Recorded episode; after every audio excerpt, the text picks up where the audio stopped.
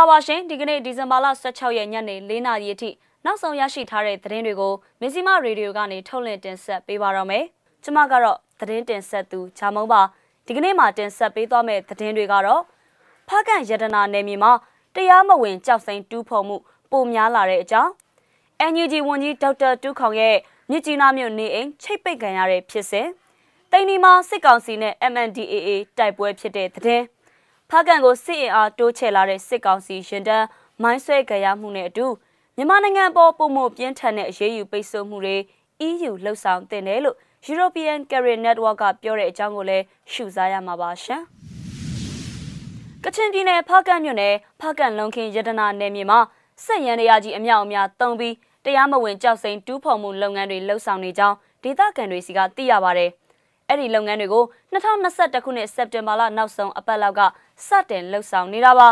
စစ်တပ်လက်အောက်ခံနေမီကန်တပ်နဲ့ကချင်လွတ်မြောက်ရေးတပ်မတော် KIA တို့ကလုတ်ကင်ခွင့်ပြုထားတာဖြစ်တယ်လို့မစ္စည်းမရဲ့ကွင်းစစ်မင်းမြတ်ချက်တွေအရသိရပါတယ်တရားမဝင်ကြောက်စိန်တူလုပ်ငန်းအများစုကိုဝါတပ်ဖွဲ့ပိုင်းမြန်မာတကောင်းကုမ္ပဏီအုပ်စုလောပန်းဥကွေပင်းရဲ့ KNDPC ကြောက်မြတ်ကုမ္ပဏီနဲ့ပွင့်ထူးဆန်ကြောက်မြတ်ကုမ္ပဏီတို့ကလုတ်ကင်နေကြပါတယ်ပုဂ္ဂလိကလုပ်ငန်းရှင်တွေဖြစ်ကြတဲ့ ဟွာကျင်73စီရောင်းဝယ်ရေးကဥအားတောင်းတဲ့မြို့ရမိရဖဖြစ်တဲ့ဥဆွဲအင်စင်ကီတို့ကလည်းအများဆုံးတူးဖော်လောက်ကန်ကြသူတွေမှာပါဝင်ကြောင်းမစ္စည်းမကစုံစမ်းသိရှိထားပါတယ်။ကမ္ဘာအကောင်ဆုံးတန်200ကျော်ကြောက်စိန်တုံးကြီးထွက်ရှိခဲ့တဲ့မက်လင်ချောင်က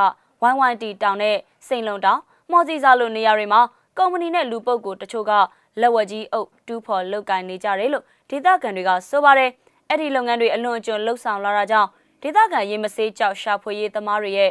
လက်တူချင်းတွေအသိမ်းခံရပြီးစားဝတ်နေရေးကြက်တဲမှုတွေလည်းဖြစ်ပေါ်နေတယ်လို့ရေမစေးကြောက်ရှာဖွေသူတွေကဆိုပါတယ်။တရားမဝင်ကြောက်စိန်တူးဖော်မှုနဲ့စီကတ်မဲ့မြေစာပြစ်မှုတွေကြောင့်မိုးရသည်မှာကဘာပြိုမှုမြေပြိုမှုတွေအရင်ကားထက်ဆိုးဆိုးရွားရွားဖြစ်လာမှာကိုဒေသခံတွေကစိုးရိမ်နေကြပါတယ်။ဒါအပြင်ကြေးရွာမှာရှိတဲ့လူနေအိမ်တွေရေနစ်မြုပ်မှာကိုလည်းစိုးရိမ်နေကြတာပါ။တရားမဝင်ကြောက်စိန်တူးဖော်မှုလုပ်ငန်းတွေက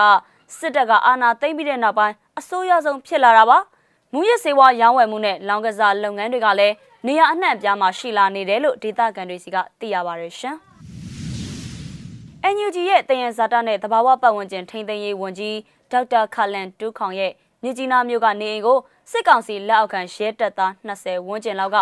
လာရောက်ဝန်းရံပြီးချိတ်ပိတ်ခဲ့ပါတယ်အသေးစိတ်ကိုတော့မဇီမာကဆက်လက်စုံစမ်းနေသေးပဲဖြစ်ပါရဲ့ရှင်ရှမ်းပြည်နယ်မြောက်ပိုင်းတိန်နီခရိုင်မှာအခုလ14ရက်နေ့တုန်းက စစ်ကောင်စီတပ်တွေနဲ့ MNDAA တို့တိုက်ပွဲဖြစ်ပွားတဲ့အကြောင်း MNDAA ဘက်ကဒီကနေ့မှသတင်းထုတ်ပြန်လာပါတယ်။တိန်နီမြို့အနောက်တောင်ဘက်က MNDAA ရဲ့နံပါချီတပ်စခန်းကိုစစ်ကောင်စီဘက်ကထိုးစစ်ဆင်တိုက်ခိုက်လာတာဖြစ်တဲ့အကြောင်း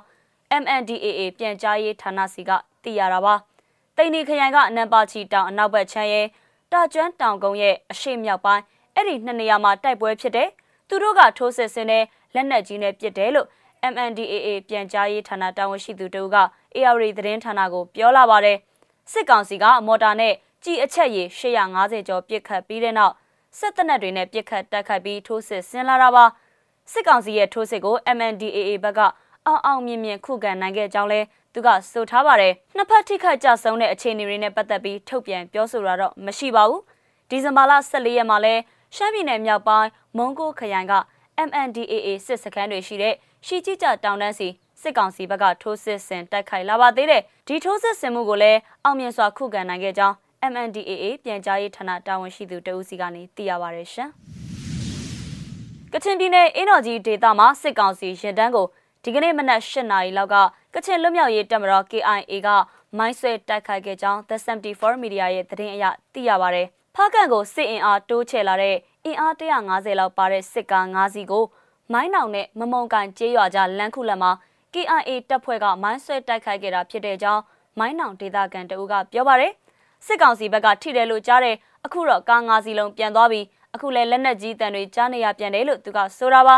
စစ်ကောင်စီရင်တန်းမိုင်းဆွဲတိုက်ခိုက်ခံရပြီးတဲ့နောက်ပိုင်းမနက်၈နာရီကနေ၁၇နာရီကြားမှာလက်နက်ကြီးတန်တွေကြားခဲ့ရတဲ့အကြောင်းမိုင်းနောင်ဒေသခံတွေစီကသိရပါရယ်ဒီလိုလက်နက်ကြီးတန်တွေကြားရတာကြောင့်မိုင်းနောင်နဲ့မမုံကန်ကျေးရွာက ဈေးဆိုင်တဲ့ကျောင်းတွေကိုလည်းပိတ်ထားတယ်လို့သိရပါရယ်လက်ရှိချိန်မှာမိုင်းဆွဲတိုက်ခိုက်ခံခဲ့ရတဲ့စစ်ကောင်စီရင်တန်းကဖားကန်ကိုမသွားနိုင်သေးပဲမမုံကန်ကျေးရွာနာက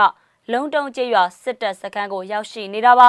စစ်ကောင်စီတပ်ဖွဲ့ဝင်တွေကကချင်ပြည်နယ်ကိုကုန်းချောင်းရေချောင်းလေချောင်းအုံပြုပြီးစစ်အင်အားတိုးချဲ့မှုတွေပြုလုပ်နေတဲ့အတွက် KIA နဲ့ PDF တွေကပူးပေါင်းပြီးကြားဖြတ်တိုက်ခိုက်မှုတွေကိုလည်းပြုလုပ်နေရတာပဲဖြစ်ပါတယ်ရှင်။